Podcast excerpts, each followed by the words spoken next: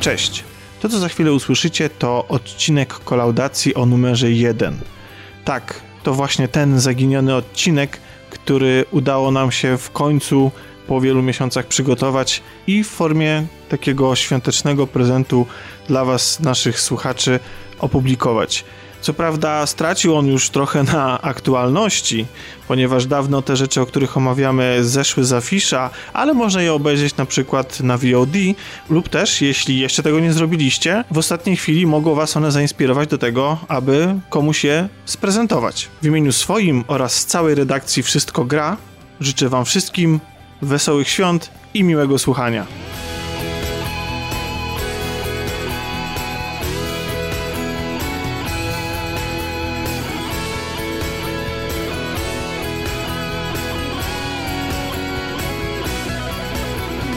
Jeszcze nie nagrywamy, prawda? Bo Już ja, nagrywamy, już nagrywamy. bo ja tutaj jeszcze muszę sobie ustawić. No, teraz słuchacze wiecie, komu podziękować za te trzaski. Baterze. Jeszcze muszę otworzyć picie. Mhm, dobrze. Dlatego ja To nie, jest, to nie jest piwo, więc będzie taki papierek po prostu. To jest po prostu wino. Ale z tej, z tej serii bardzo dobra jest woda kokosowa, taka czysta, czysta, jest super. Tak. Czysta jest najlepsza. Ale ja wolę wodę kokosową z mango chyba. Chociaż nigdy mi nie smakują, ale ta jest właśnie dobra. Okej. Ja lubię wszystko z mango. Dobra, zaczynamy odcinek. Jeszcze nie mam, nie mam pojęcia, jak, jak się będzie numerowany. Coś wymyślę. Myślałem o X01 albo coś i tak dalej. 0,0. Zero, tak, Zero. Podwójną Zresztą numerację. kogo to obchodzi? Po prostu nowa kolaudacja. Podcast kulturalnej inicjatywy Wszystko gra. Odcinek nowy, odcinek jeszcze nowszy. Jeszcze odcinek nowszy, tak. Jeszcze bardziej nowy. Dokładnie. A później będzie wielki reboot. Jeszcze reset. nie otworzyłam, jeszcze otwarcie. Przepraszam, ale jest bardzo dużo otwarć, już trzecie. No to u nas w podcaście też jest tak.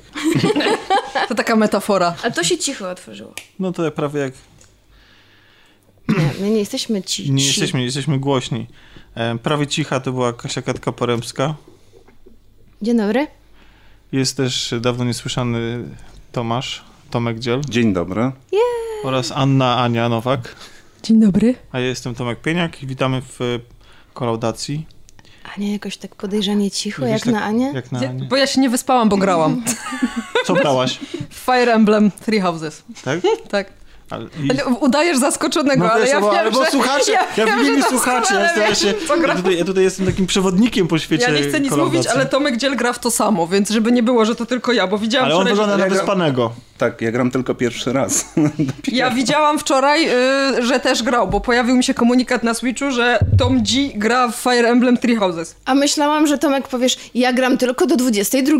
Bo widziałeś, ja gram tylko, Ja dlatego jestem wyspany. Ja niestety tak popełniam taki wygląda. duży błąd, że w momencie, kiedy kładę się do łóżka i to jest na ogół 22, to kładę się do łóżka ze Switchem i potem jest tak, że o godzinie y, drugiej orientuję się, że muszę wstać do pracy niedługo i chyba przydałoby się y, no. Opowiedzcie. o tym. Wiesz. Aniu, e, problem je, e, pro, u mnie problem jest taki podobny, bo ja mam, e, ponieważ mam małe mieszkanie, więc mój salon jest jednocześnie sypialnią, w związku z tym tam, gdzie jest konsola i telewizor, tam jest też łóżko, więc po prostu ja się kładę z padem i dalej sobie gram. No. Ale ja też tak robiłam, bo ja, ja co prawda mam osobno salon i sypialnię, ale jak grałam na przykład w Division ostatnio, to przeniosłam sobie Playa 4 do sypialni po to, że, żeby go podpiąć przez kabel, bo w salonie no to wszystko mam po Wi-Fi.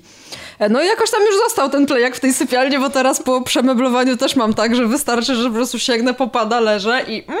To jest bardzo wygodne, ale Niestety. z drugiej strony niestety jest to podobno bardzo niezdrowe, bo powinno się mieć... Oj tam! E, sypialnia powinna być podobno tylko do Spania. spania. Nie zgadzam się. Lub czynności łóżkowych Nie e, zgadzam związanych się. z prokreacją, ale nie do rozrywki Też się nie zgadzam, bo ja mam też komputer w sypialni i, i nie, nie, nie I tylko. nie masz problemów ze snem. Nie mam to. problemów ze snem. Ja po prostu jak już czuję, że to już jest ten moment, tak właśnie miałam z piątku na sobotę, że grałam, grałam, grałam i jak przestałam rozumieć dialogi, to stwierdziłam, że czas spać. I to po tym rozpoznaję, że trzeba. To dlaczego ten Fire Emblem jest taki wciągający? Najgorzej jak nie ma widocznego zegara. No właśnie, a tam trzeba zasejwować, żeby zobaczyć e, ile masz godzin. Wiesz co, powiem ci, że e, to był wielki spontan, bo ja nie planowałam w ogóle kupić tej gry, bo totalnie jakby nigdy nie grałam w żaden Fire Emblem i miałam takie... "Ehe, eh". Ale miałam strasznie zły dzień i miałam okropną handrę i stwierdziłam, że jedyna rzecz, jaka może mi poprawić humor, to nowa gra na Switcha. I kupiłam tego Fire Emblema. No i tak odpaliłam z nudów, mówię, dobra, zobaczymy. I tak jak z nudów odpaliłam, to po 6 godzinach stwierdziłam, dobra, ale ja miałam chyba, nie wiem, zjeść coś, nie? Gra jest y, prosta, w sensie prosta. Mamy tak naprawdę dwie główne, dwa główne etapy rozgrywki. Mamy walki turowe, taktyczne, które faktycznie są takie, gdzie niektóre trzeba mocno rozkminić, niektóre są banalnie proste. No i mamy ten etap, gdzie budujemy zaufanie u swoich tam podopiecznych, bo jesteśmy nauczycielem, który ma tam swoją klasę, którą uczy Kasia gra dla ciebie. No właśnie, Doskonale. Sprawa motywowania uczniów, Tak, bardzo tak. ważna. E, tak, trzeba zapraszać ich na herbatę. Albo dawać im prezenty, naprawdę. E, I trzeba dawać im dużo prezentów, e, bo wtedy możesz ich przeciągnąć na swoją stronę, bo ty masz tam ten jeden swój dom, w którym jesteś, ale możesz sobie przeciągnąć. I ja na przykład teraz, jak gram drugi raz w innym domu, to przeciągnęłam już prawie wszystkich ze swojego poprzedniego domu, bo tak się zżyłam z nimi, że szkoda mi. Ale to kto walczy w takim razie? Ci uczniowie walczą? Tak i ty. Ci uczniowie i ty. I to A jest to o tyle dzieci? ciekawe, że no to są jakieś nastolatki, no. No, Ile oni tak, tam mają? jak, jak w 20? japońskich grach. To są, No, to są nie, takie niedojrzali dzieci, dorośli, nie- dojrzałe niedojrzali dorośli. nastolatki. Tak, dokładnie tak. Cała mieszanina. Aczkolwiek, co jest ciekawe, jak ja strasznie nie lubię e, bohaterów w japońskich grach, tak tutaj, no dobra, niektórzy są irytujący, ale większość jest zdecydowanie bardzo spoko. Przy tym, co mnie bardzo zaskoczyło, jest bardzo dobry anglojęzyczny dubbing. W sensie, bardzo fajnie są dobrane głosy i jakoś się to spina, bo ja na ogół jakby nie toleruję dubbingu w grach japońskojęzycznych, bo one są już takie specyficzne same w sobie, że jeszcze ten angielski dubbing tam się nie spina totalnie. Ale akurat tam, nie wiem czy słyszałeś, e, Nie, ja ale do jest naprawdę gier dobry. podchodzę jedynie No, w wersji ja też, oryginalnej. Ja też, ale Muszę oglądałam gdzieś właśnie jakiś... na napisy oczywiście. E, tak, ja sobie gdzieś odpaliłam jakiś e, filmik na YouTubie z jakąś tam strategią na jakąś tam walkę i osoba, która przygotowywała ten film grała w wersję anglojęzyczną i wtedy posłuchałam jak ci bohaterowie mówią i generalnie tak całkiem naprawdę jest nieźle. Całkiem nieźle. Całkiem nieźle. Ale nie było co żadnych właśnie... protestów w internecie, jak to ma miejsce Jeszcze- właśnie przy tak, takich grach. Tak, jeszcze, jeszcze nie było żadnych protestów. wersję oryginalną. Znaczy, może dlatego, że jest wersja oryginalna, więc jak ktoś jednak stwierdzi, że, że mu to nie pasuje, to tak. To jest o tyle ciekawe, że jak na ogół w grach taktycznych masz e, jakieś tam jednostki, które są totalnie jakieś bezosobowe i wiesz tylko jakie mają statystyki, no to tutaj w tej grze masz e, jednostki, które trenujesz każdą osobno tak naprawdę, no i każda z tych tam jednostek ma coś do powiedzenia, ma jakiś tam swój charakter, ma jakieś tam swoje historie życiowe, więc e, jest tak, że jedni ci bardziej przypasują, inni mniej, no ale Są nie jest tak bezosobowo. Oczywiście, że są. Z uczniami? Słyszałem, że to Oczywi- właśnie romanse... Po- Poczekaj Tomek, bo Poczekaj, tutaj... poczekaj. Nie, Ania nie, nie, powiedziała, nie. że ty jesteś uczniem i masz swoich Tak. uczniów, to są nastolatki, ale mimo to, że to nastolatki, to oni walczą. I jeszcze romanse u- z a ty jesteś nastolatkami. uczniem i masz ty jesteś uczniów? ich nauczycielem. Jesteś profesorem, el profesor. No. To jak to romanse z uczniami, Ja ci Tomek? zaraz powiem jak. Sytuacja jest taka, że w pewnym momencie, i nie jest to spoiler, bo widziałam to w Poznajesz trailerze innego już. nauczyciela? Nie. E, akcja przenosi się 5 lat w przód, a ty jesteś w wieku tych uczniów prawdopodobnie. Aha, znaczy aha, tak, rozumiem. no. E, akcja przenosi się 5 lat w przód i wtedy już wszyscy są legalni, włącznie z tobą, więc jakby... tak, tak to Tomek, ale skoro ty jesteś wyspany, to rozumiem, rozumiem, że ciebie aż tak nie wciągnęła ta gra jak Ania. Nie, tak jak powiedziałam, ona jest zdradliwa, bo nie widzisz e, upływu czasu i masz taki e, jednak jeszcze jedna bitwa, jeszcze jedno zwiedzanie szkoły, jeszcze jeden dialog i to Najgorzej. potrafi, potrafi jednak e, A to może jakieś seminarium czasem. teraz? Tak, może, może jakieś seminarium zrobimy, a może sam się pójdę doedukować na jakichś szkoleniach. Najgorzej. No i tak e, właśnie niestety te walki też są zdradliwe, bo myślisz sobie, dobra, jeszcze jedna walka, 20 minut. Po czym się okazuje, że akurat ta walka to nie jest 20 minut, tylko 120 minut. Znaczy ja ale na jestem końcu fanką turowych dostajesz gier, e, więc drobiowych, wiem to jak to jest. Tak, tak, właśnie widziałam, że pisałeś na Twitterze. Ja właśnie dostałam bulion. Jak jechałam tutaj Czy grałam, gra jest tylko na bulion. e, Nintendo Switch? Tak, Tak, No to nie, i tak to- za- to- za- tak. tak. A już mnie nawet, chociaż wiecie co, ja mam wielki problem z japońskimi grami, bo ta, tak samo zresztą jak japońskimi e, anime, bo jakoś ta kultura jest mi zupełnie obca i ja nie potrafię tego Ja to zrozumieć. rozumiem, bo I- nawet ja mam problem z japońskimi grami. grasz w i, e, Final Fantasy, a ja nie przypominam, mogę Ja przypominam, że ja jestem po japonistyce i ja mam Właśnie. czasem problem z japońskimi grami, aczkolwiek też jest tak, że one jedną rzecz zawsze robią bardzo dobrze, mianowicie to, że mają zawsze świetnie napisanych bohaterów i zawsze mają dobre historie. I mimo tego, że są elementy, które gdzieś tam są irytujące, jak na przykład często główni bohaterowie albo głos głównego bohatera, tak jak na przykład w Xenoblade Chronicles miałem tego udusić, to jednak historie, które tam są opowiedziane, w większości faktycznie można liczyć na to, że to będzie dobra historia i że ci bohaterowie będą dobrze napisani. I tutaj jest tak samo, że historia, która jest tam w tle, jest dość ciekawa, poza tym to jest tak naprawdę kilka historii, no i bohaterowie, których mamy też są tacy dość ktoś tam dla siebie każdego znajdzie, tak? Znaczy każdy znajdzie kogoś dla siebie tam, kto mu przypasuje bardziej z charakteru, czy tam jakichś powiedzmy wartości, które wyznaje, więc y, myślę, że to japońskie gry robią dobrze, wiele innych rzeczy robią źle. Albo strasznie. A co, co ale... robią źle? No, najczęściej znaczy, co właśnie... robi Fire Emblem Free Houses? Źle? No. To, Tomasz wspomniał, że nie ma licznika czasu. Okej, okay, ale, ale, tak naprawdę ale źle. Cały, cały ale tak naprawdę źle to... przynajmniej ja, ja tak to odbieram w każdej grze japońskiej, jest niesamowicie rozwleczony. On ma tak, sporo takich Jezu. zapychaczy, które tak. potrafią być interesujące, ale czasami musisz jednak przez coś przebrnąć, żeby dobrać się do tego tak. mięska. To ile trzeba poświęcić, żeby przejść chociaż jedną kampanię? Czy tak, żeby, może tak, żeby zobaczyć w pełni, co gra oferuje, jakie masz opcje, no to myślę, że wystarczą dwie godziny. W sensie a propos tego, co możesz robić i jak się zawiązuje ta fabuła Ale i w ogóle. żeby skończyć całą jakoś fabułę, czy coś? No to ja skończyłam, ja skończyłam w 32 godziny. Okay. Więc nie ma tragedii. I potem możesz grać innym, inną frakcją, tak? Tak, bo gra polega na tym, że na samym początku, a to też jest rzecz, którą ja, która trochę uważam, że może być zarzutem, że za wcześnie musisz się zdecydować, do której frakcji dołączasz, bo nie wiesz tak naprawdę jeszcze zbyt wiele o nich. I ja na przykład, gdybym wiedziała to, co wiedziałam, to pierwszą frakcję wybrałabym inną niż A tą, którą wybrałaś? To dlatego Życie. może grasz drugi raz.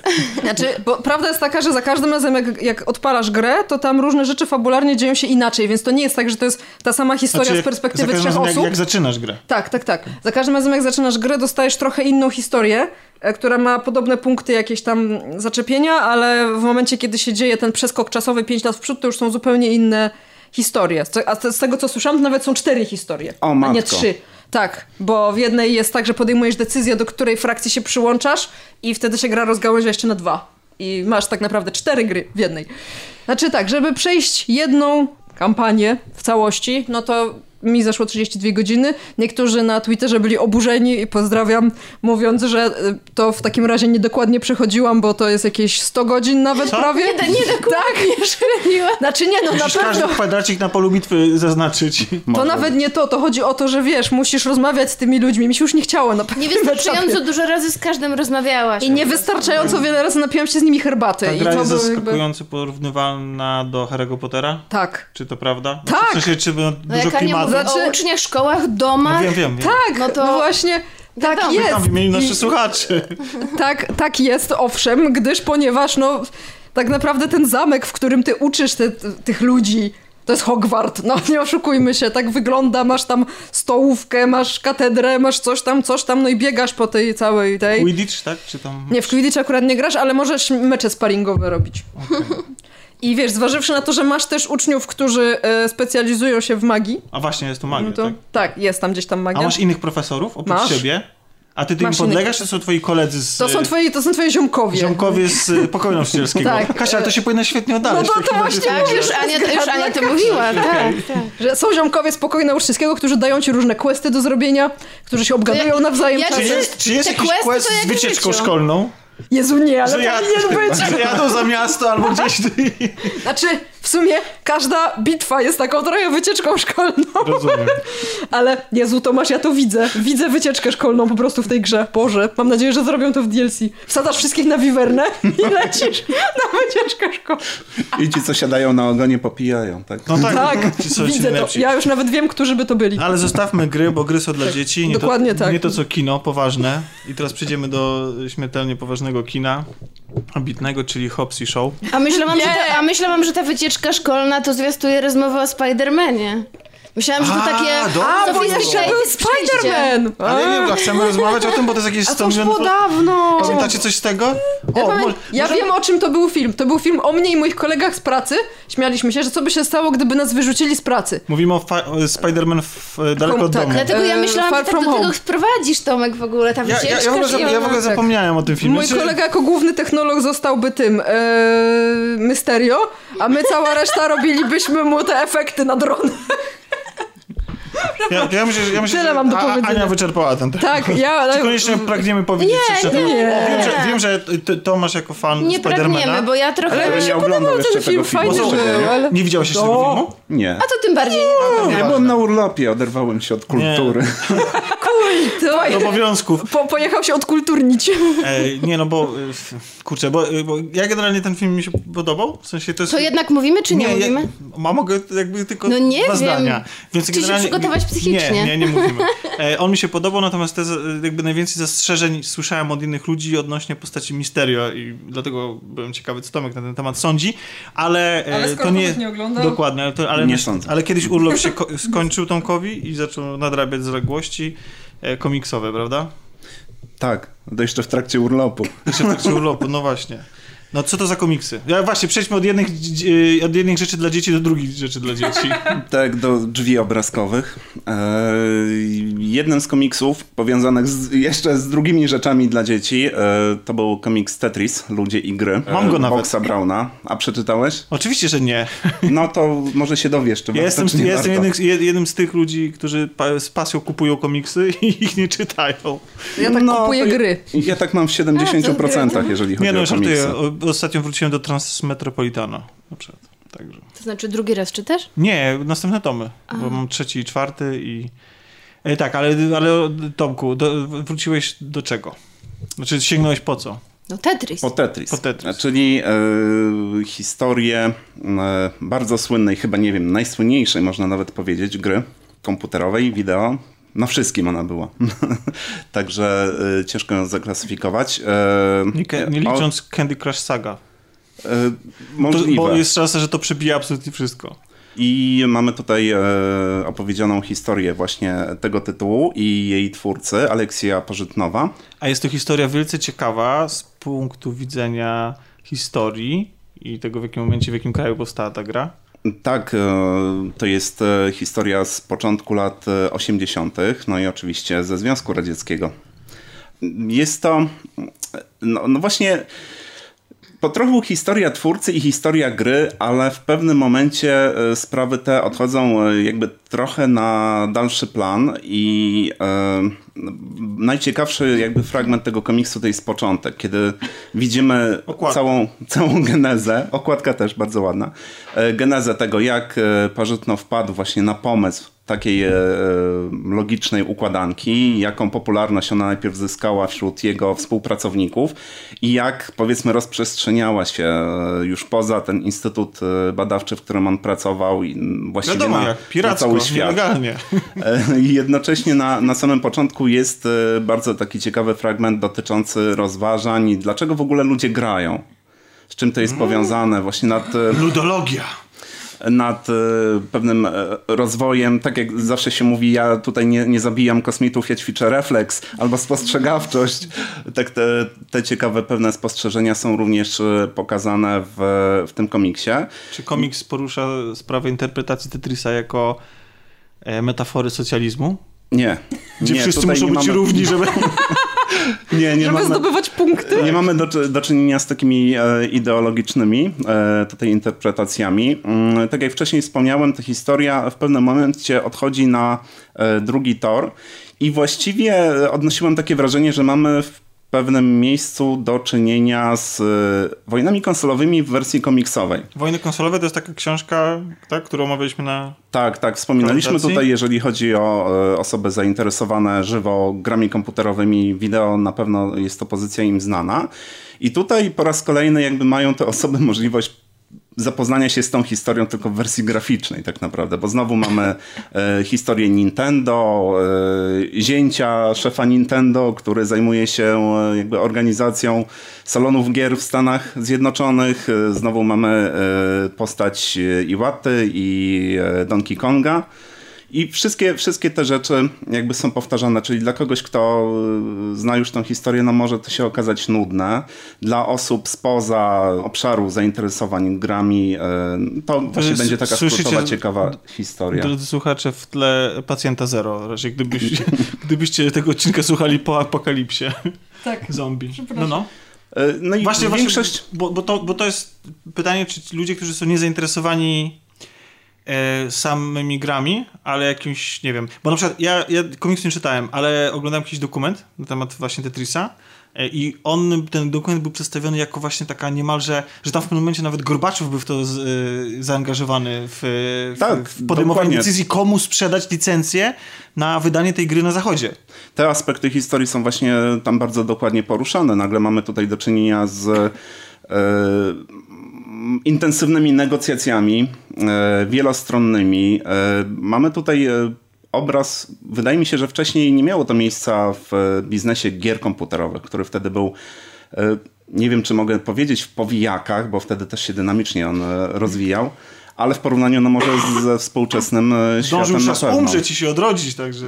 Dokładnie. I widzimy tutaj, jak negocjacje do praw e, na przeróżne platformy przebiegały, jakie były pułapki tego. Ktoś e, dystrybuował e, grę i prawa do niej sam nie mając praw do tej licencji.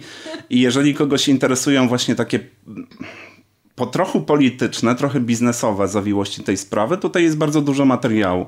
Z tym, że właśnie z mojej strony jest tutaj e, taki zarzut, że gdzieś gubimy sprawę tego twórcy. Może w rzeczywistym świecie on też został zepchnięty na drugi tor, tak naprawdę, i dopiero po e, wielu, wielu latach jakby mm, zyskał to przynależną e, sobie chwałę jako twórcę e, Tetrisa. I również mamy tutaj to uwidocznione w komiksie, ale mm, tak naprawdę duża treść e, tego komiksu obraca się wokół takich bardzo suchych faktów.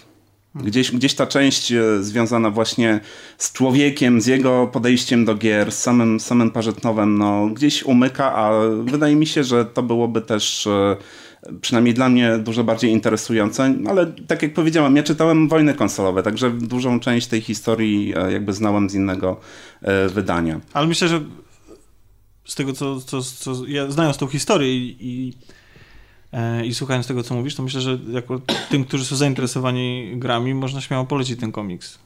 Tak, bo e, nawet e, ci, którzy tak jak ty już znają historię, no mogą tutaj e, podejść do tego z zupełnie innej strony. Bo to, nie, bo, to, jaki- bo to niezwykła gra, to jest gra, która bardzo mocno się odcisnęła e, na branży gier. Ona ustawiła wręcz nawet, właściwie można powiedzieć, że nawet my żyjemy dzisiaj w świecie post Tetrisowym i fakt, że akurat ta, a nie inna firma zdobyła ostatecznie licencję na wydanie jej na zachodzie i że wydała ją w takiej, a nie innej formie, sprawiło, że do tej pory właściwie znaczy, ustawiła na, na bardzo długo e, tej, ten krajobraz, tak, e, branży gier.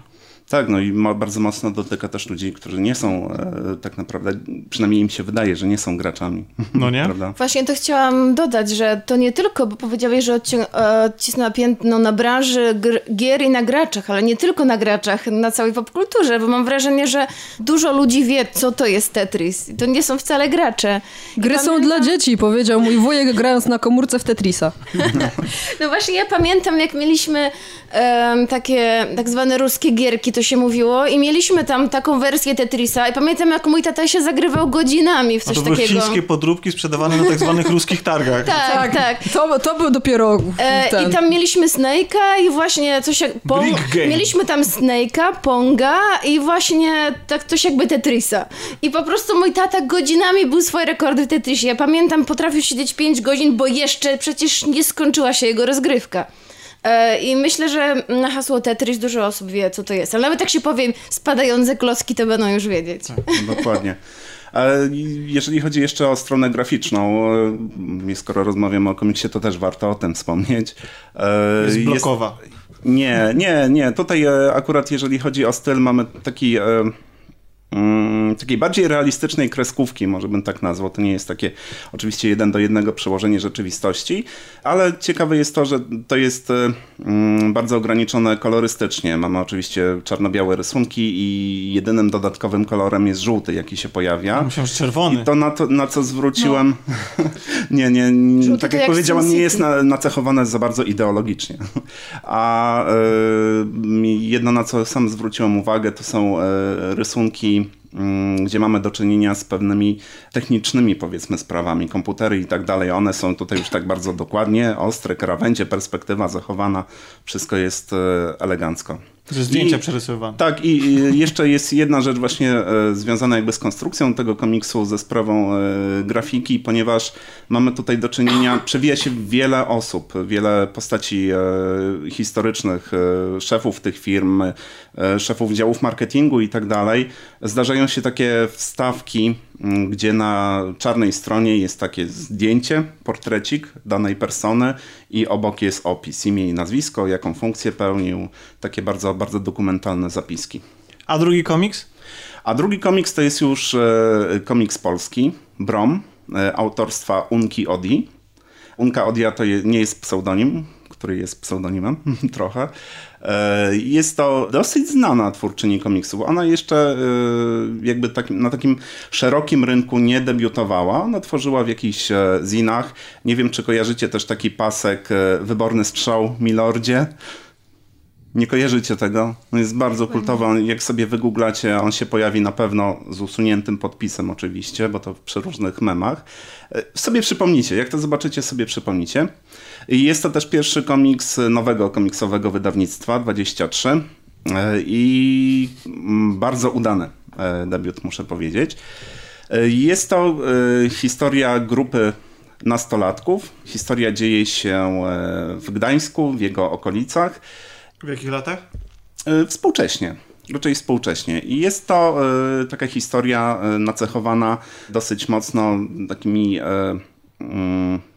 może paranormalnymi, trochę, trochę folklorystycznymi elementami, ponieważ mamy tutaj e, Broma, e, to jest oczywiście ksywka, ma naprawdę na imię Bronisław, ale geneza tej, tej e, ksywki jest tam przedstawiana, którego matka jest wiedźmą. I on pewnego razu dowiaduje się o, o tym, że ma jakąś dalszą rodzinę ze strony ojca, z którą nie utrzymywał kontaktu z tego powodu, no, że wujo czy jakby nie bardzo e, lubi e, właśnie matkę Bronisława.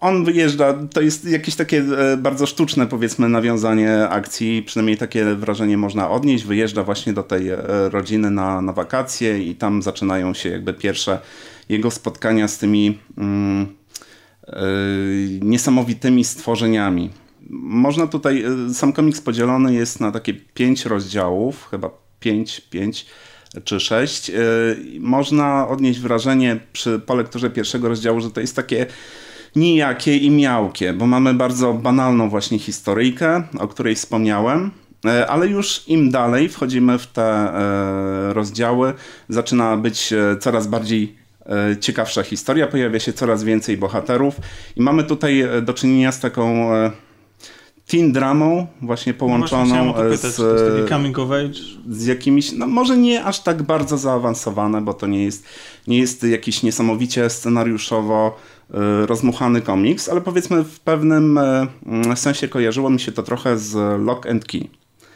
E, nie jest to może taka sama skala e, jak tam wydarzeń. Tutaj na razie w ciągu tych pięciu rozdziałów nie mamy gdzieś w tle jakiegoś e, złego, głównego, tylko mamy, tak jak mówiłem, pierwsza historia, którą należałoby przejść, stwarza wrażenie, że wszystko będzie takie miałkie. Po drugiej historii mamy już jakby takie nastawienie, aha, to będzie taki Monster of the Week ale już y, kolejne po rozbudowaniu obsady robią się coraz ciekawsze. Mamy bardzo wiele ciekawych postaci, z których każda ma jakieś swoje quirki, y, jakieś tajemnice y, z przeszłości i po lekturze tego prawie 200-stronicowego komiksu jest, jest jednak ochota, żeby poznać dalszą część tej historii. A to jest urwane w jakiś sposób, czy zamknięte?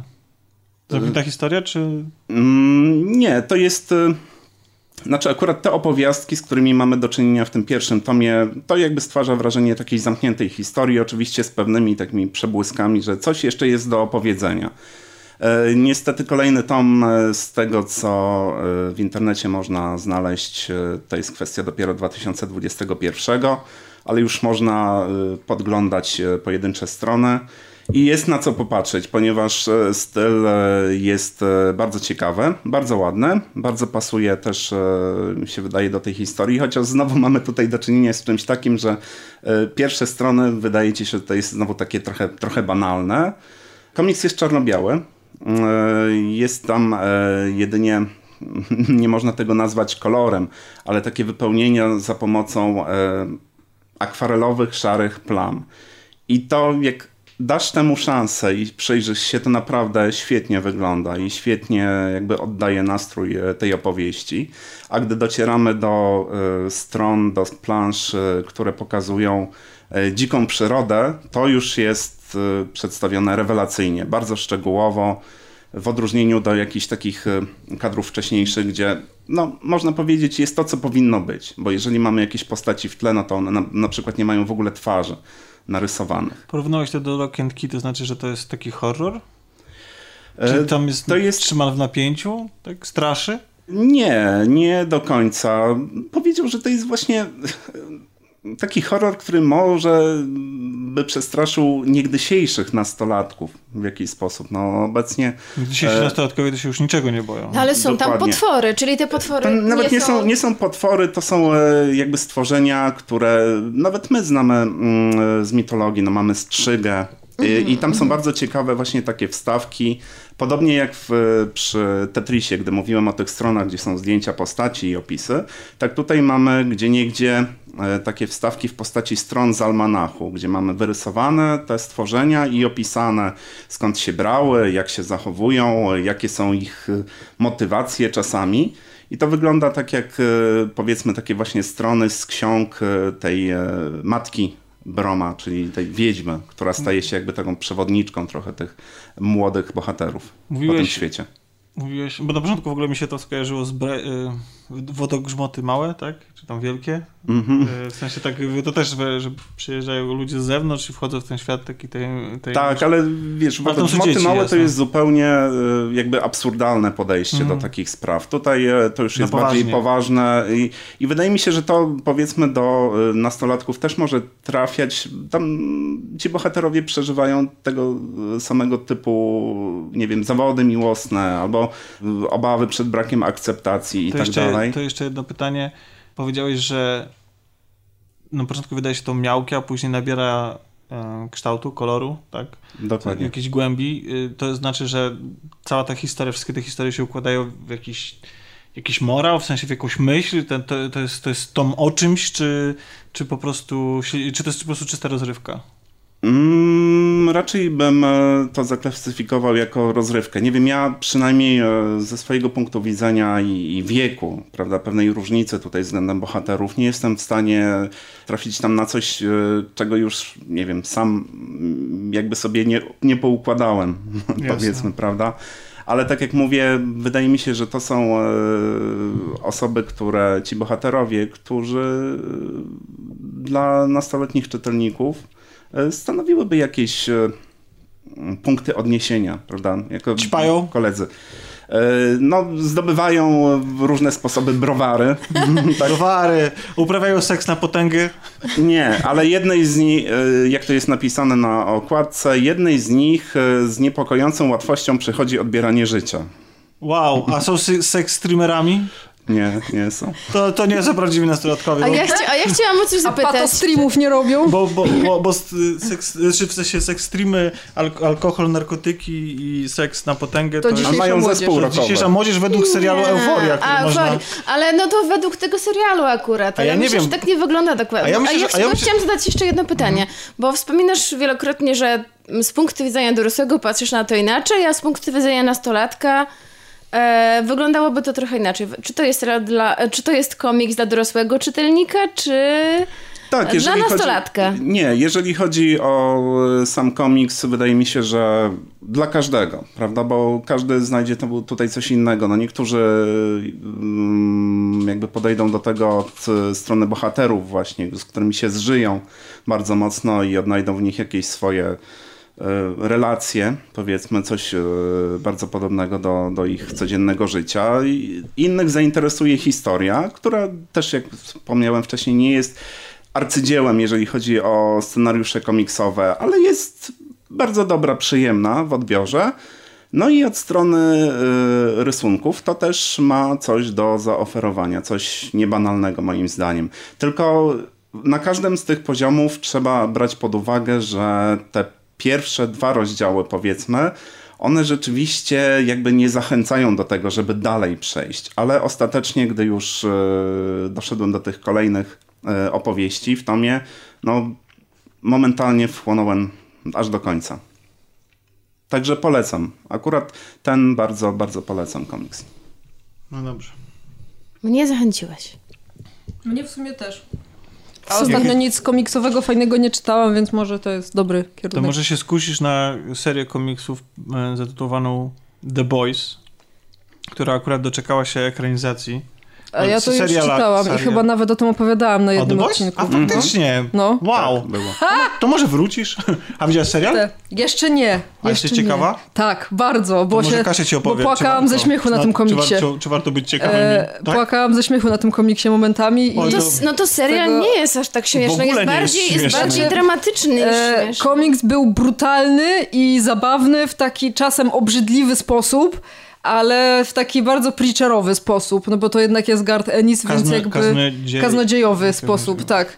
Mówię o komiksie, nie o serialu, żeby było jasne, bo ja nadal uważam, że tego serialu nie ma. Serialu Kaznodzieja. Kazno- Nadzieję. Tak, że on nie powstał, nie chcę go pamiętać. To Podobno znaczy, w drugim Chociaż słyszałam, tak, słyszałam, że jest lepiej, ale... no właśnie Piotrek ogląda, a to znaczy, nie wiem, no Piotrek ogląda i z, i z tego powiedział mi, że jest coraz gorzej, więc no, no nie. Znaczy, ja, ja powiem tak, ja oceniałam pierwszy sezon z perspektywy komiksu, e, który moim zdaniem bardzo wiele rzeczy robił doskonale i już na samym początku te rzeczy w serialu zostały wywrócone o 180 stopni, więc tak naprawdę bardziej można by powiedzieć, że to jest historia, która się inspiruje w jakiś sposób komiksem, ale to nie jest raczej adaptacja. Ale czasem wywrócenie mm, nie Czasem tak, ale akurat tutaj wy, wywrócili takie rzeczy, które dla mnie osobiście były trochę kwintesencją tego komiksu. Mhm. Na przykład relacja między dwójką bohaterów, która, no, no nie będę teraz się rozwodzić No to na ten Aniu, temat, szkoda, ale że nie bardzo oglądałaś mnie The Boys. Nie bo, oglądałam, bo bardzo no. bym była ciekawa twojej opinii, ponieważ Ale obejrzę na e, pewno. Grzegorz e, Prez pisał na Grzegorz Twitterze, e, że no, mamy, różnych, mamy różnych Grzegorzów. Grzegorz Wojewoda pisał na Twitterze, e, że nie podoba mu się ten serial, ponieważ za dużo zmienia względem komiksu. Okej. I nie oglądał do końca, ktoś go tam przekonywał, że zakończenie jest w ogóle totalnie inne, ale że tej osobie innej bardzo się to spodobało. Ja mogę zdradzić trochę z prywatnej korespondencji z Grzegorzem, że później zapało większą sympatią trochę do tego serialu. Aha, A, czyli jak mu wytłumaczyłeś o co chodzi, to jednak... Nie, nie, nie. nie, nie, nie Czyli to może, jakby- czyli może dał to się nie tak, przekonać ale- do tego, żeby oglądać go do końca i może Nie, docenił. znaczy nie, nie jest w tym moja zasługa, to nie ja go przekonywałem, ponieważ... Ale może Kasia najpierw ty. Dobrze, mogę powiedzieć parę słów, Jakbyś ale miała rozumiem, przekonać że, rozumiem, Grzegorza że, albo kogośkolwiek innego, rozumiem, to... że ty oglądałeś ten serial. Tak, obejrzałem. E, a jak, powiedzcie mi jeszcze szybko, jak nazywał się ten taki serial poprzednio o superbohaterach? Niedawno był taki, Doom taki Patrol? odjechany. O, Doom Patrol, właśnie. No więc ja nie chciałam w ogóle oglądać tego serialu, ponieważ mam wrażenie, że ostatnio powstaje bardzo dużo seriali o superbohaterach. Piotrek e, mój oglądał właśnie ten Doom Patrol, który ja trochę zerkałam i jakoś zupełnie nie ciągnęło mnie, żeby to oglądać. I pomyślałam, nie, no kolejny serial znowu o tym samym. Ale stwierdziłam, dobra, spróbujemy jeden odcinek. No i szczerze mówiąc, y, od razu pierwsza scena, od razu nie bardzo mogę powiedzieć chyba jaka. No podobno jest ona w zwiastunie, ale ja byłam bardzo zaskoczona. To może opowiedz w takim razie, Bo jaki to jest ta pierwsza świat. scena to było całkowite trzęsienie ziemi, już wspomnę o tym, i to trzęsienie ziemi sprawiło, że siadłam i tak jak siedziałam, nie drgnęłam do końca odcinka tak naprawdę. Um, powiem, no, jak się zawiązuje fabuła, bez zdradzania tego, co się stało i Po prostu, potem co świat. to za świat? Jaki świat oglądamy na Em, ekranie? Fabuła zaczyna się od tego, że główny bohater, e, który jest zwykłym, normalnym człowiekiem, tak jak my, przeżywa pewien e, dramat, bo stracił mu bardzo, bardzo bliską mu osobę, a stracił ją w ten sposób, że tę osobę zabił superbohater. No i to już jest dość szokujące, jak to superbohater zabija zwykłego obywatela. Okazuje się, że Niewinną to... niewinną osobę, zupełnie przypadkiem. E, I ten e, nasz główny bohater próbuje jakby mm, zaznać spokoju, dociec, i w ten, dociec jakiejś sprawiedliwości, bo chciałby, żeby ten superbohater jakoś zapłacił za to. Okazuje się, że w tym świecie superbohaterowie są totalnie nietykalni, nieruszalni, skorumpowani źli i tak naprawdę um, superbohaterowie nie działają dla siebie, ponieważ działają e, dla korporacji. E, I uważam, Która że to tak jest... jakby, tak jak na przykład drużyna sportowa po prostu ich skupuje, Tak. zatrudnia i oni są... Oni są zatrudnieni. To jest coś jakby Avengersi w krzywym zwierciadle, ponieważ oni są ci, ci Avengersi tak jakby, czyli w tym serialu jest to siódemka. Oni... Siódemka? No, tak się nazywa ta grupa, tak. Tak, siódemka, dobrze mi się wydaje. Oni są właśnie za- zatrudnieni, dostają wynagrodzenie. Każdego dnia dowiadują się od marketingowców, ile mają punktów procentowych poparcia i jak przekłada się to na ich zarobki codzienne. Bo oczywiście te zarobki to są na przykład z produkcji zabawek, z sprzedaży licencji, oni reklamują mnóstwo rzeczy. Grają w filmach. Tak, to też ważne. Natomiast jak jesteśmy przy tym, to y, to, co mnie ujęło, to jest to, jak ta korporacja, muszę przyznać, że jeżeli, jeżeli faktycznie by, w naszym świecie superbohaterowie by istnieli, to dla mnie jest to bardzo wiarygodny obraz. e, Tak, tego, też jaki myślę, że dokładnie by tak za- za- było. zarządzani, bo właśnie sportowcy są tak trochę zarządzani, e, czy inne gwiazdy, Bo każdy z nich ma podpisany szczegółowy bardzo Tak. kontrakt. ale to, co jest, Mhm. to, co, to, co mnie szczególnie ujęło, jeszcze później jeszcze inna rzecz, ale to, dlaczego ten serial mi się na początku spodobał bardzo, to jest to, że ci bohaterowie są zarządzani przez korporacje w bardzo przemyślany i niemalże polityczny sposób. To znaczy, że wizerunek danego bohatera, czyli to, jakie on y, reprezentuje e, wartości, tak, swoim działaniem, tak oficjalnie, jest dostosowany do tego, jak w, danym rejonie jacy są wyborcy na przykład. Czyli na przykład, jeżeli jest dużo konserwatywnych e, wyborców, tak, głosujących na przykład na re, republikanów, to superbohater musi też reprezentować jakieś tradycyjne wartości. Tak, i między innymi jedna z głównych bohaterek tego filmu e, zostaje właśnie świeżo zatrudniona do siódemki, ponieważ jeden z superbohaterów przeszedł na emeryturę i właśnie ona jest taką e, bohaterką przeznaczoną właśnie, tak jak Tomek mówi, dla tych konserwatywnych, wierzących obywateli. E, tylko, że ona e, ląduje w tej organizacji i twardo zderza się z rzeczywistością, ponieważ jest ona dziewczyną pełną ideałów, bardzo młodą dziewczyną pełną ideałów.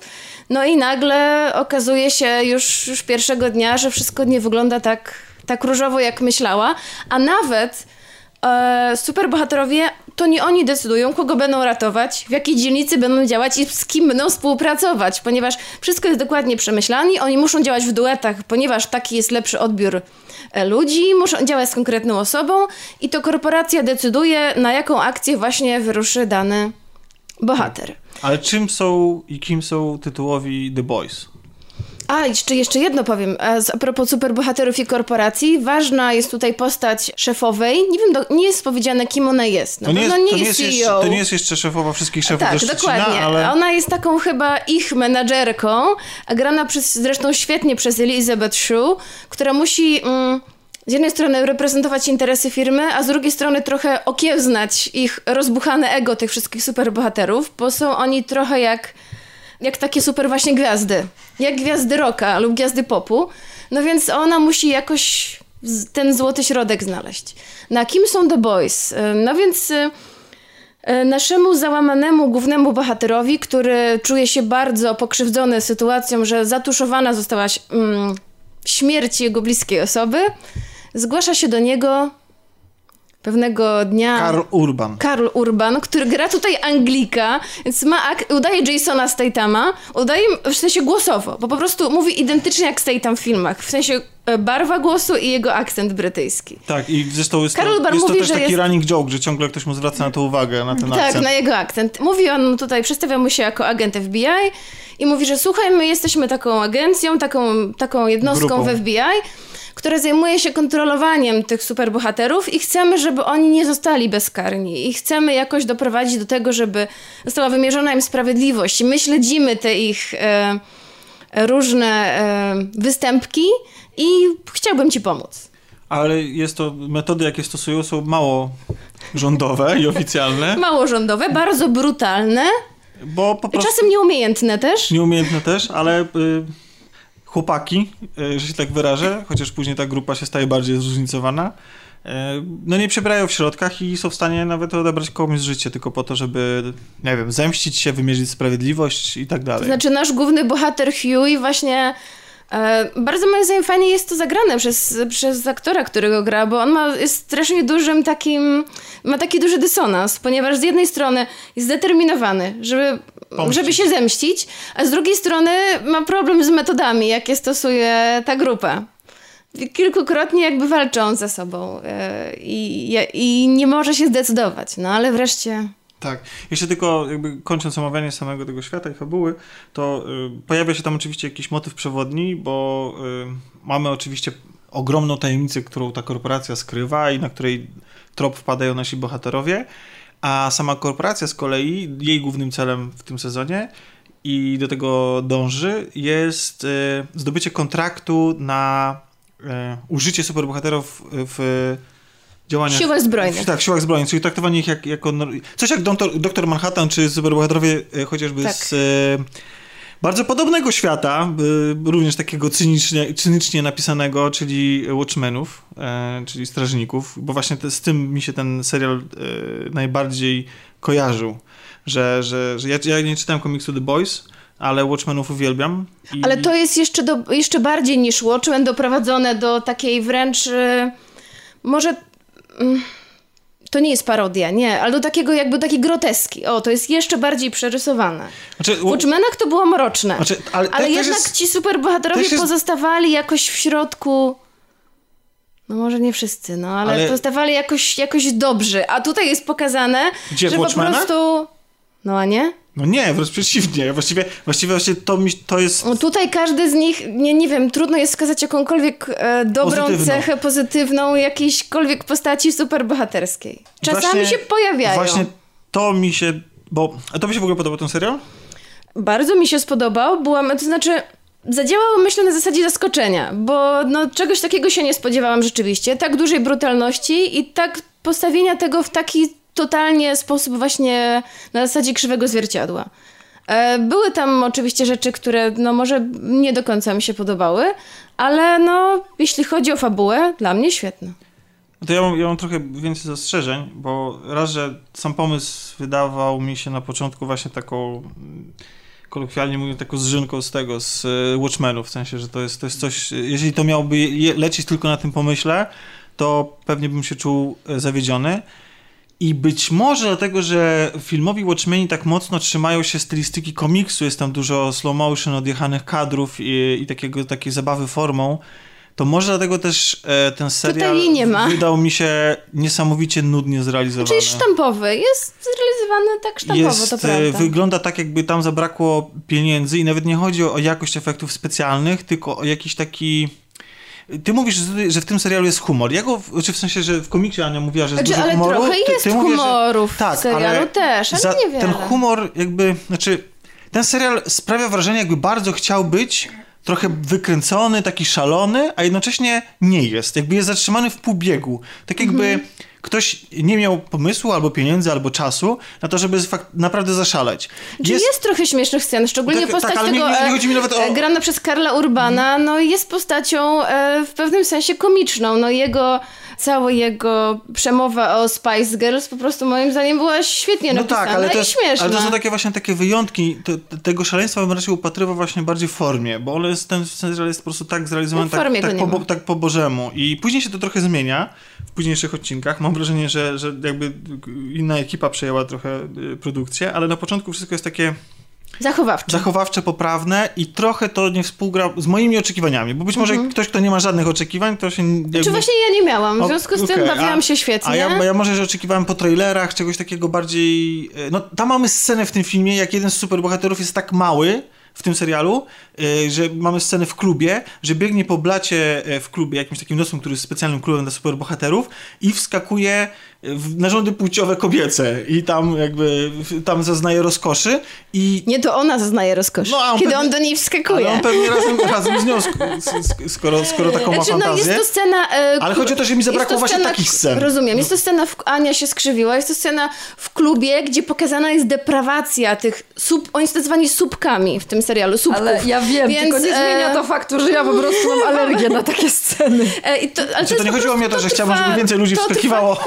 Jezu, nie. Tylko chodzi mi o to, że, że, że to, to, jest taka, to jest taka scena dosyć Okej. szalona, jakaś wulgarna, No dobrze, brutalna ale jest tam, jest i- tam potem znowu taka scena i też wiąże się ona z aktem e, Okej. seksualnym. Może gdyby no nie będę było- mówić, jest może- ona jest bardzo, bardzo brutalna. Może dlatego, że ja przeszedłem świeżo, znaczy nie tak świeżo, bo ostatnio strasznie dużo tych seriali konsumuję, ale może przez to, że przeszedłem od na przykład y, Happy drugiego sezonu, Mhm. który jest wykręconym totalnie właśnie też brudnym, takim lepkim, cynicznym bardzo Mhm. serialem, ale też jakby jest tam humor i on jest taki dużo bardziej zwariowany. Może tej, tego y, większego tego zwariowania tutaj oczekiwałem, ale to, co mi się, to co dla mnie broni ten serial, bo nie ma on dla mnie niestety takiego ciężaru, jak mają Watchmeni, takiego ciężaru, nie wiem, w, w Watchmenach, w Strażnikach o coś chodzi, tak? W sensie jest tam jakaś taka myśl przewodnia, że to jest, jest morał, to się wszystko zamyka ładnie, jest jakaś konkluzja, jest to też duch czasów, kiedy on powstał, ten, ten, ten komiks. No tutaj E- też jest jakiś morał. No masz, masz świat rządzony przez korporacje. No tak, tylko że on jakby się wyprztykuje, ten morał już wiadomo, wi- znamy na go od samego początku, już właściwie niczym nas ten, ten serial nie, nie zaskoczy, pozornie, bo to, co mi się bardzo podobało, to jest to, że ci ohydni e, i tacy nieprzyjemni e, superbohaterowie, których e, skreślamy od momentu, kiedy się dowiadujemy, jacy oni są właśnie zdeprawowani, później ich poznajemy lepiej. I serial w ogóle nie szczędzi nam czasu na poznanie tych bohaterów, ich motywacji, przyczyn tego, dlaczego mogliby się tak, a nie inaczej zachowywać. I muszę przyznać, że przy takiej ilości bohaterów jemu się świetnie udaje zachować odpowiednie proporcje i poświęcić czas na tych, na przykład na przykład To prawda, i taki- zaczyna się rozumieć i, i tyle na rozumieć- początku się jakby znienawidzi ich i gardzi Tak. się nimi. I to- i nadal są po prostu potem banda się- dupków, y, przestępców, kryminalistów. Ale w pewnym sensie zaczynasz ich trochę rozumieć. Znaczy, nie, nawet, nawet nie rozumieć, co, no to tak, znajdować przyczyny, dlaczego mogliby Mhm. tacy być. I to nie chodzi o to nawet o, o ich o usprawiedliwianie, Nie ale poznajesz ich tak. i, czas, i prawdę mówiąc, niektórym ja współczułem, bo jakkolwiek y, obrzydliwym człowiekiem by nie był tutejsza wersja Aquamena, taka, y, y, i, cze- i jak obrzydliwych rzeczy się tutaj nie dopuszcza, to on jest jakiś i to jest fajne, że ci bohaterowie nawet jeśli są negatywni, to są jacyś i w jakiś sensie są interesujący i przed... a, tego nie powiedzieliśmy, bo w Watchmenach to aż tak bardzo widoczne nie jest, ale tutaj moim zdaniem to są ewidentnie parodie, te postacie parodiują albo są pastiszem, albo nawiązaniem do prawdziwych bohaterów. Tak. Bo ponieważ, mamy, e, ponieważ szef e, tych Avengersów Ojczyznosława, O, o, który jest... właśnie chciałam powiedzieć o tłumaczeniu też, jak właśnie skończysz mówić. E, jest połączeniem Supermana i Kapitana Ameryki dosłownym, dosłownym z wyglądu i z wszystkich sił, którymi dysponuje. I właśnie chciałam powiedzieć o świetnym tłumaczeniu, które nie wiem, czy jest to czy komiks Anio jest tłumaczony na polski. Tak, Więc podejrzewam, że tłumaczenie jest wzięte z komiksu, ponieważ Amazon nie słynie z dobrych tłumaczeń. Wydaje mi się, że tak, bo gdzieś już słyszałam tego ojczyznosława. Ojczyznosław moim zdaniem brzmi tak cudownie słowiańsko, że byłam zachwycona. To jest tutejszy Superman po prostu. E, pośpieszny, e, który Czyli jest Flash. odpowiednikiem Flasha, tak. Właśnie nie pamiętam jak się nazywa ten taki, wo- ten Aquaman. Aqua- a- on się chyba nazywa Deep. Więc ogólnie to nie jest tak, że ten... Tak, The Deep, ale nie ma tutaj polskiego mm, Nie tłumaczenia. ma tłumaczenia. Więc to nie, nie w mojej ocenie może się Kasiu ze mną nie zgodzić. To nie jest serial, którego warto się rzucać na Amazon Prime, ale mając Amazon Prime uważam, że warto po niego sięgnąć. Amazon Prime wydaje mi się, że przez pierwsze tam 6 miesięcy kosztuje chyba 3 euro miesięcznie, no więc to naprawdę nie jest duża kwota, a ten e, Amazon ma naprawdę sporo dobrych seriali Tak. do I zaoferowania. ja chciałam powiedzieć, że Amazon Prime właśnie wyrasta bardzo mocno na mojego faworyta, jeśli chodzi Ostatnio o serwisy streamingowe. Amazona. Właśnie ja też, od kiedy, od, od kiedy mam, a od niedawna tak naprawdę, bo stwierdziłam, że wykupię po to, żeby oglądać nowy sezon y, The Expanse, który się gdzieś tam pojawi niedługo. To okazuje się, że tam jest naprawdę mnóstwo dobrych rzeczy, jeśli chodzi też o ich produkcję. I sam fakt, że właśnie niedawno zostało ogłoszone, że to Amazon będzie produkował serial na podstawie Event Horizon, filmu, to ja tak sobie pomyślałam, że, że dobrze, że nie Netflix. Znaczy ja wykupiłam Ale- bardzo ale dawno tak, dla człowieka no. z Wysokiego Zamku. A, E, okej. To już ile? Trzy lata temu? no, no. I tak naprawdę płacimy cały czas i, i co chwilę coś tam się pojawia i, i nie widziałam nic naprawdę żeby powiedzieć, o nie, to kiepskie. Tak jak często się mówi o filmach Netflixa, czy czasami No. zdarza się, bo Netflix Dużym tego plusem- proponuje, bar- bardzo dużo produkuje Dużym, dużym plusem jest też y, dostępność takich kultowych seriali jak The Office, czy Parki... Które tam- Park Tak, Recreations, Parks and Recreation, o tak, które jak to ja dopiero poznałem. Bo I Community. I Community, które... Oj. I, i parki, Trochę ci zazdroszczę. Park and Recreations dopiero poznałem i nigdy wcześniej tego nie widziałem. I absolutnie, jeżeli nie mieliście okazji tego oglądać, y, to polecam. Y, Jest to serial... ym, już będziemy kończyć, ja tylko po prostu powiem parę tych... tak. Ale ja jeszcze chciałam o jednym filmie powiedzieć. O jakim? E, przypomniałam sobie, jak jechałam tutaj e, autobusem. Ale kończyć w sensie nagranie? Tak, tak, tak. No bo ja, ja trzymajmy się tej około Dobra, godziny. Do, dobra. Ja mogę bardzo szybko o tym Bo a powiedzieć. propos Amazona, to chciałam o tej Miss Nie, Marvelous bo ja chcę to obejrzeć. Jak, Dobrze. Dobra? Chcesz porozmawiać? tak- To ja tak też to To obejrzę. to Dobra. jest wspaniałe. Bo też słyszałam, że to jest Paweł dobre. wielokrotnie o tym Co, pisał o na jakich grupie, filmach? ale E, Wiesz co, nie widziałam na Chili ostatnio, w zeszłym tygodniu, film Boy Erased. Tam gra ten chłopak, który grał w Manchester by the Sea, ten, ten dzieciak i to jest historia chłopaka, który jest homoseksualistą i Hadges rodzice... się nazywa? Tak, i rodzice wysyłają go na tą terapię konwersyjną do jakiegoś kościoła. Okej. I to jest film, który jest nakręcony na podstawie książki, którą napisał ten właśnie chłopak, więc to jest jakby historia prawdziwa. I film pojawił się w kinach w zeszłym roku. U nas w Polsce w ogóle go nie było y, do obejrzenia. Zresztą zaraz sobie zobaczę chwilę. No jest, na- jest w tej chwili na Amazonie, tak? Nie, Nie, jest na Chili. jest na Chili. Właśnie ja już jakiś czas temu chciałam zobaczyć ten film i zobaczyłam, przeglądając Chili właśnie w poszukiwaniu czegoś tam innego, okazało się, że jest na Chili. Poza tym, że y, gra tam właśnie nasz ulubiony Lucas Hedges, który już się tam właśnie pojawiał w Manchester by the Sea czy e, Trzy Billboardy za Ebbing, Missouri, to mamy jeszcze Nicole Kidman i Russella Crowe. Więc obsada jest taka mocno, tak, oni właśnie grają jego rodziców. No i cała e, historia jakby właśnie skupia się wokół tego, że on zostaje wysłany na taką terapię konwersyjną, bo jego rodzice y, uważają, że z homoseksualizmu można się wyleczyć, więc wysyłają go do, takiej, do takiego przybytku, który jest kierowany przez y, Kościół, gdzie po prostu tak naprawdę okazuje się, że y, są straszne nadużycia, które gdzieś tam się dzieją w stosunku do tych dzieci, które są że tak nieładnie powiem, konwertowane.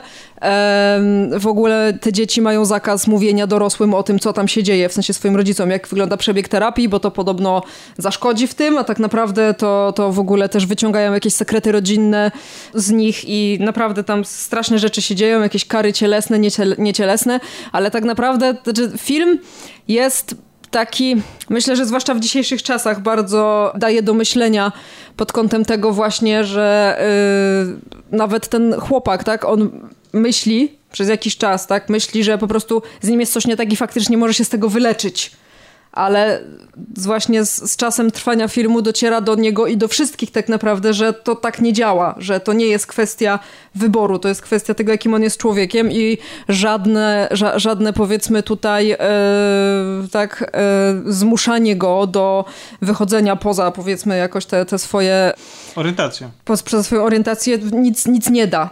Jak mamy kilka scen właśnie, w którym jeden z chłopaków, którzy tam są na miejscu, jest y, bardzo dotkliwie bity, bo nie chce ce- czegoś tam No zrobić. właśnie, no właśnie Y, prawdę mówiąc, jestem, zastanawiam się, jakie metody y, tej konwersji y, Mhm. stosu- miałby stosować Kościół. nie? Znaczy wiesz co, tam jest, No bo jest tak naprawdę to jest bardzo... sfera cielesności takiej, której Tak. Kościół omija. Ale tam jest, wiesz, bardzo dużo takich sytuacji, gdzie na przykład oni piszą jakieś listy, w których wyznają swoje winy, tak? Opowiadają o tym, co robili, opowiadają o tym, że, że dlaczego uważają, że to jest deprawacja i że to jest złe, więc oni jakby muszą się przyznać do tego, co zrobili, opowiedzieć o tym w szczegółach, no i to ma im przynieść jakąś tam też ulgę. No, mówię, metody są jakie są i to jest, to jest bardzo dokładnie pokazane w tym filmie, ale uważam, że to akurat dobrze, bo y, faktycznie pokazuje jakby, nie wiem jak to, słówka mi brakło, pokazuje do jakiego stopnia powiedzmy niektórzy ludzie są w stanie po prostu usiłować wmówić sobie i innym, że homoseksualizm to jest choroba, a nie y, kwestia orientacji seksualnej. Także to jest coś, co się wybiera. Myślę, że zwłaszcza w dzisiejszych czasach to jest film, który warto zobaczyć, chociaż jest ciężki i jest taki mocno przygnębiający, to też jakby kreacja aktorska tego, tego Lukasa, który właśnie tam gra głównego bohatera, jest taka bardzo przejmująca. Najgorsze w tym wszystkim jest to, że wiemy, że ta historia zdarzyła się naprawdę, bo to jest właśnie książka, którą napisał ten główny bohater, posłużyła jako baza do napisania scenariusza i faktycznie widzimy później, akcja przenosi się gdzieś w przyszłość, gdzie on próbuje się skonfrontować ze swoimi rodzicami, właśnie z ludźmi, którzy też przez lata uważali, że taka terapia tak e, faktycznie potrafi kogoś wyleczyć, E, a z drugiej strony okazało się, że tak naprawdę nie wyleczyć, tylko prędzej doprowadzić do samobójstwa, tak? I tam różne przypadki właśnie się są, są opowiedziane, opisane, pokazane i jest to takie naprawdę, no jest, jest to straszne, ale na szczęście kończy się w taki sposób, że pokazuje, że jednak da się zrozumieć i da się wesprzeć. Nie chcę za dużo opowiadać, bo jeżeli ktoś chce zobaczyć ten film, to, to też nie chcę zdradzać, jak się kończy, ale też daje taką trochę nadzieję na to, że jednak niektórzy ludzie, jeżeli się wykażą jakąś empatią, potrafią zrozumieć tak, sytuację, potrafią się postawić w, w sytuacji, znaczy na miejscu osoby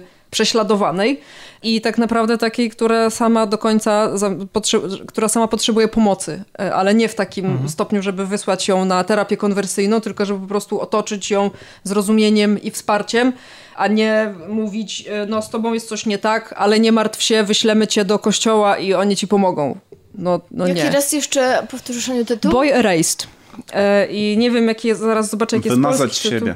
Wymazać siebie, tak? Mhm. No właśnie. Film z 2018 roku na Chili do obejrzenia za 9,90. Tyle wypożyczenie kosztuje, tak, to prawda. Tak, tyle kosztuje wypożyczenie. Ale wiesz, że chciałem zapytać, bo oni czasami robią taki motyw, że nie, niektórych filmów nie da się wypożyczyć, tylko można kupić i tam, wiesz, i wtedy ci wyskakuje cena 50 zł. Nie, wiesz co, ten jest, znaczy 9,90 y, to jest cena za y, najniższą jakość, 12,90 płacisz ja, za HD. I właśnie, ja właśnie a propos najniższej jakości, ostatnio miałem taki przypadek, że wróciłem do filmu Romeo plus Juliet czyli ekranizacji Romeo i Julia, Julii z e, lat 90. Chyba tego nigdy nie widziałam, wiesz? Musisz A, to obejrzeć. To, jest, musisz to obejrzeć. To jest, to, jest, to, jest, to jest film, Miałam który... Miałam przynieść Tomek to moje DVD. A, spoko. A tam są, zobaczyłam, że to jest jakiś special edition i tam są fajne dodatki. To A, cię przyniosę na Totalnie chcę, bo to jest film, który trochę się zestarzał w warstwie, bo on chciał być wtedy bardzo na, na, na czasie. E, no nie będę się o nim rozgadywał. W każdym razie kocham go absolutnie. E, uważam, że, że to jest film, który, na który na ten film świat nigdy nie był gotowy. Ani w chwili premiery, ani teraz. Uważam, że jest absolutnie niezrozumiały i ten film można albo po prostu kochać, albo, albo on cię totalnie odrzuca, bo to jest e, czasy współczesne lat 90. Bohaterowie mówią... Najgorzej. Językiem Szekspira. Językiem Szekspira. Montaż jest bardzo teledyskowy, taki no to MTV. jest e, Baz Luhrmann, czyli reżyser między innymi też Moulin Rouge, tak. więc no, to jest taka stylistyka, to tak? Jest, dużo jest, kolorów. Dużo jest tam musicalu, dzieje, e, tak. ale jestem absolutnie, ja, strokatość tego filmu, mnóstwo, ta, ta, ta brudna taka i bardzo taka ociekająca w szczegóły scenografia, charakteryzacja, e, totalny kicz, bo ten film jest mega kiczowaty. Tam, tam broń, e, ponieważ to się dzieje w czasach współcześnie, w sensie latach 90., więc broń biała jest zastąpiona przez broń palną, ale to nie przeszkadza, żeby, miało, żeby, żeby miała wygrawerowane na, marka na przykład tej broni, że się nazywa na przykład sword, sword albo, albo rapier. O, dos, rapier 9 mm. Doskonałe, ja, ja coś czuję, że ja to docenię. I w ogóle, i w ogóle, i w ogóle to jest Nie no, Ania, jest, jest scena z imprezą, z narkotykami, jest drag queen, Queen. Czego tak. tam nie ma w tym filmie? Jezu, jak to jest możliwe, że tego nie widziałam? Ale najlepsze jest, znaczy w sensie, ja uważam, że... Muszę to obejrzeć. Aniu, na pewno znasz piosenkę promującą ten film, The Cardigans, Love Me, Love Me. Love me, love me, say To, to, to, to. Bo to właśnie promowało ten film. I z przecież są fragmenty fa, fa, W tym filmie jest absolutnie Być wszystko może. to, co ja kocham w kinie, czyli kreacja świata, bo ten świat jest bardzo taki niby oparty na, naszych, na naszej rzeczywistości, ale tam jest połączenie Los Angeles, Buenos Aires e, i taka jest, i taka, i tam, tam jest nawet figura Chrystusa ale, ale tak... Czy dobrze mi się wydaje, że w tym filmie debiutowała Claire Danes? Wydaje mi się, że to był jej debiut, To był tak. jej debiut. Ona tam miała chyba 17 tak. czy 18 a lat. A Romeo gra e, DiCaprio, DiCaprio oczywiście. To ja już wiem, dlaczego tego nie widziałam, nie bo jak zobaczyłam plakat, to stwierdziłam, że o ja cię szpierdzielę, absolutnie nie chcę tego oglądać. Ale to jest E, Może to jest historia ale, Roma Julii? Tak, ale widzisz, potem jakby wtedy byłam młoda, tak? Wtedy, kiedy się ten film pojawiał gdzieś tam, a potem jakoś zupełnie o tym zapomniałam. Nieukształtowana, niewyrobiona filmowo. Znaczy, nie, no, ale jak na ja pewno ten film się spotkał z gigantyczną krytyką, no bo on jest mega kiczowaty. No, ale co z tego? To był taki zamysł, no. Ale właśnie Wiesz, pytanie, czy... I Julia, a ja ryczałam, no. Pytanie, czy sam fakt, że film jest kiczowaty, to wystarczająco, no, żeby od razu, ale wiesz. No właśnie, jeżeli film jest świadomie kiczowaty, to trochę moim zdaniem inna kategoria niż... Wiesz, on, on no. wiedział, że robi teatr i też robił teatr w filmie i wykorzystał do tego narzędzia, które były jakby wtedy i on, niektóre się zestarzały, bo na przykład sceny akcji, czyli tam, gdzie są te pojedynki, mm które siłą rzeczy nie są na miecze, tylko właśnie na, na pistolety, są bardzo źle zrealizowane z dzisiejszej perspektywy. Oj, dobra. O, ogląda się to bardzo źle. Na szczęście jest tego bardzo niewiele. Jest jakiś fetysz wody w tym filmie, mianowicie non-stop bohaterowie z różnych powodów są albo mokrzy, albo lądują w jakichś zbiornikach wodnych, więc tam jest non-stop. Leonardo DiCaprio wygląda absolutnie rewelacyjnie. Scenografia, klimat, projekty samochodów, tych broni, tych ich ciuchów, wszystko jest super. Dlaczego o tym mówię? Bo y, jest to film do kupienia na Chili, też za 9,90. Do kupienia? Do wypożyczenia. Do, y, natomiast problemem jest, nie wiem czy to jest kwestia filmu, mojej apki w telewizorze, streamingu, samego chili, ale przez strokatość tego filmu i przez tę ilość tych szczegółów bardzo często zmieniało mi się ym, jakość obrazu, przeskakiwało z HD do SD, ale nawet nie to jest, nawet jeszcze to bym jeszcze jakoś przeżył, ale oprócz tego się zmieniało na przykład HDR, bo ja mam jakby możliwość oglądania w HDR-ze i to jest, wyświe- niby ten film jest w HDR-ze wyświetlany, ale potem na, na, natychmiast przeskakuje, że jest wyłączany, więc non-stop y, miałem taki problem właśnie z obrazem, więc nie wiem, czy to jest kwestia nie wiem właściwie dlaczego o tym się rozgadałem, bo chciałem zupełnie co innego powiedzieć. Chciałem powiedzieć, że jeżeli chcecie doznać absolutnego orgazmu, dosłownie, euforii wręcz e, wizualnej, to totalnie wam polecam serial Euforia. Może omówimy go sobie, jeśli chodzi o jego zawartość, treść. ym, Ten serial ja też chętnie obejrzę. tak, e, na, Ja następ, też, no następnym też razem, jeszcze nie- nie e, ten. bo jest to dosyć kontrowersyjny serial i który wymaga takiego głębszego omówienia, ale już teraz wam polecam, żebyście spróbowali się z nim zmierzyć, e, bo może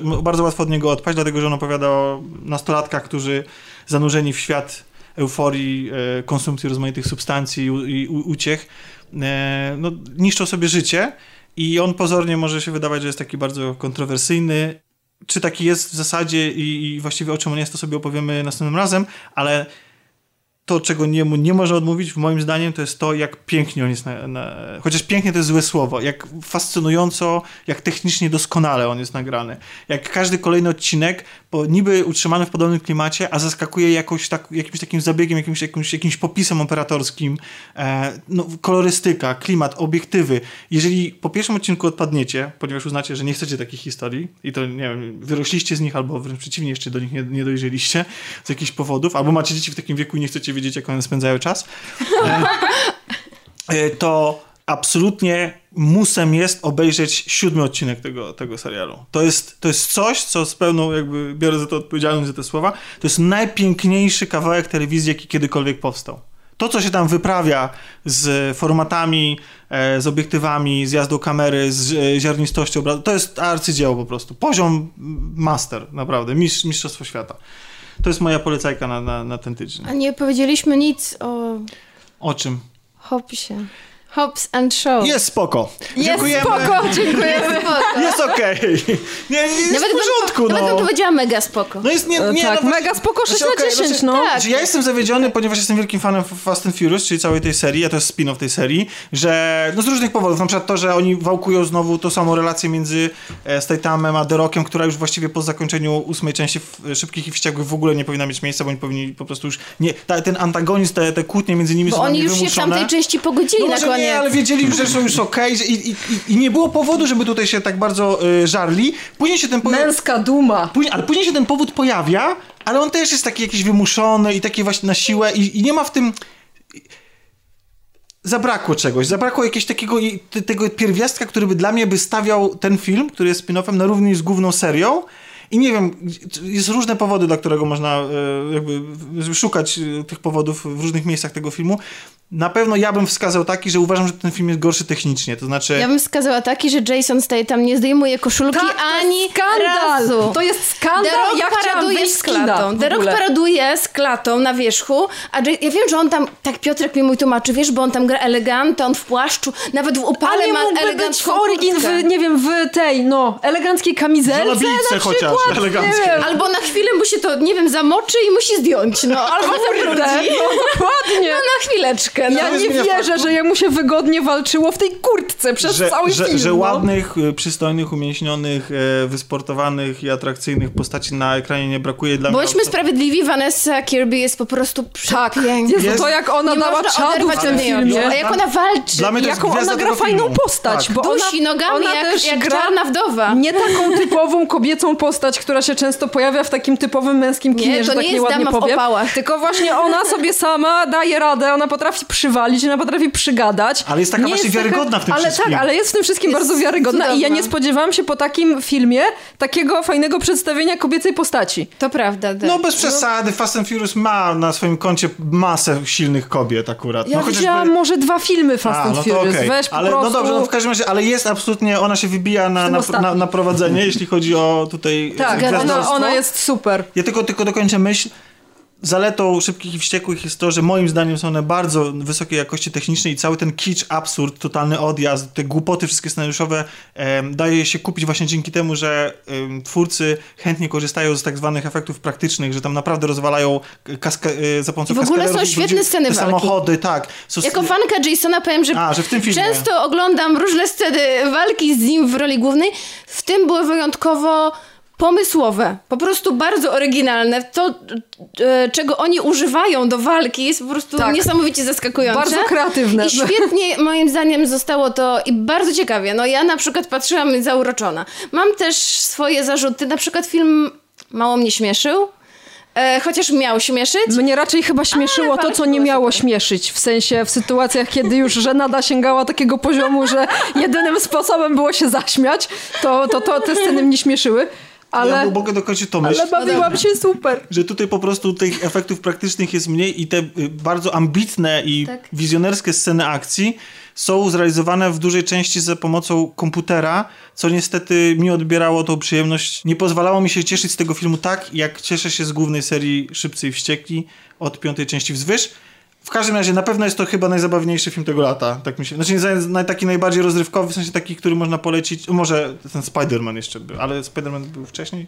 Tak. Tak, ale Spider-Man jest, lekki, jakoś e, przyjemny. osadzony, powiedzmy. Znaczy, nie, w sumie Spidermana i, i Hobbs and Show można oglądać poza jakimkolwiek. Tak. Bo ja nie znam Fast and Furious, a jakby ten, a i tak się bawiłam dobrze. Pamiętam, Głupi, że- i absurdalny, niedorzeczny, szybki. Ale jest fan. E, I nie tak wściekły, jakby mógł być, ale jednak zabawny. Pamiętam, że mówiliśmy, że zabrakło nam chociaż małego cameo Wina Diesla, że mógłby chociaż zadzwonić, No ale, dlaczego, ale jest- Ola mi wytłumaczyła, e, która jest wielką fanką serii i Wina Diesla, że oni są skonfliktowani, Tak. że Vin Diesel absolutnie nie zgadza się na granie z The Rockiem e, żadnych scen i jest ogromny konflikt No między ty nimi. tak, Dlaczego? Bo, no bo to chodzi o ego. Chodzi o to, że, A. że on się uważa za tą taką Gwiazdę. gwiazdę. tej serii że to on jest dużo, dużo... A bo pojawieniu się... Bo piąta część mocno zmieniła ten, tą serię. I ona właśnie wtedy mnie zainteresowała. Właśnie wtedy wyszła, weszła bardzo wysoka jakość techniczna, e, pojawiły się nowe postacie jak Statham czy The Rock, które wniosły bardzo dużo, e, znaczy takiej świeżości. Pojawił się też tam humor i świetnie było oglądać jak The Rock się rozumiem, że naparza Vin z, z Diesel, Vin Diesel.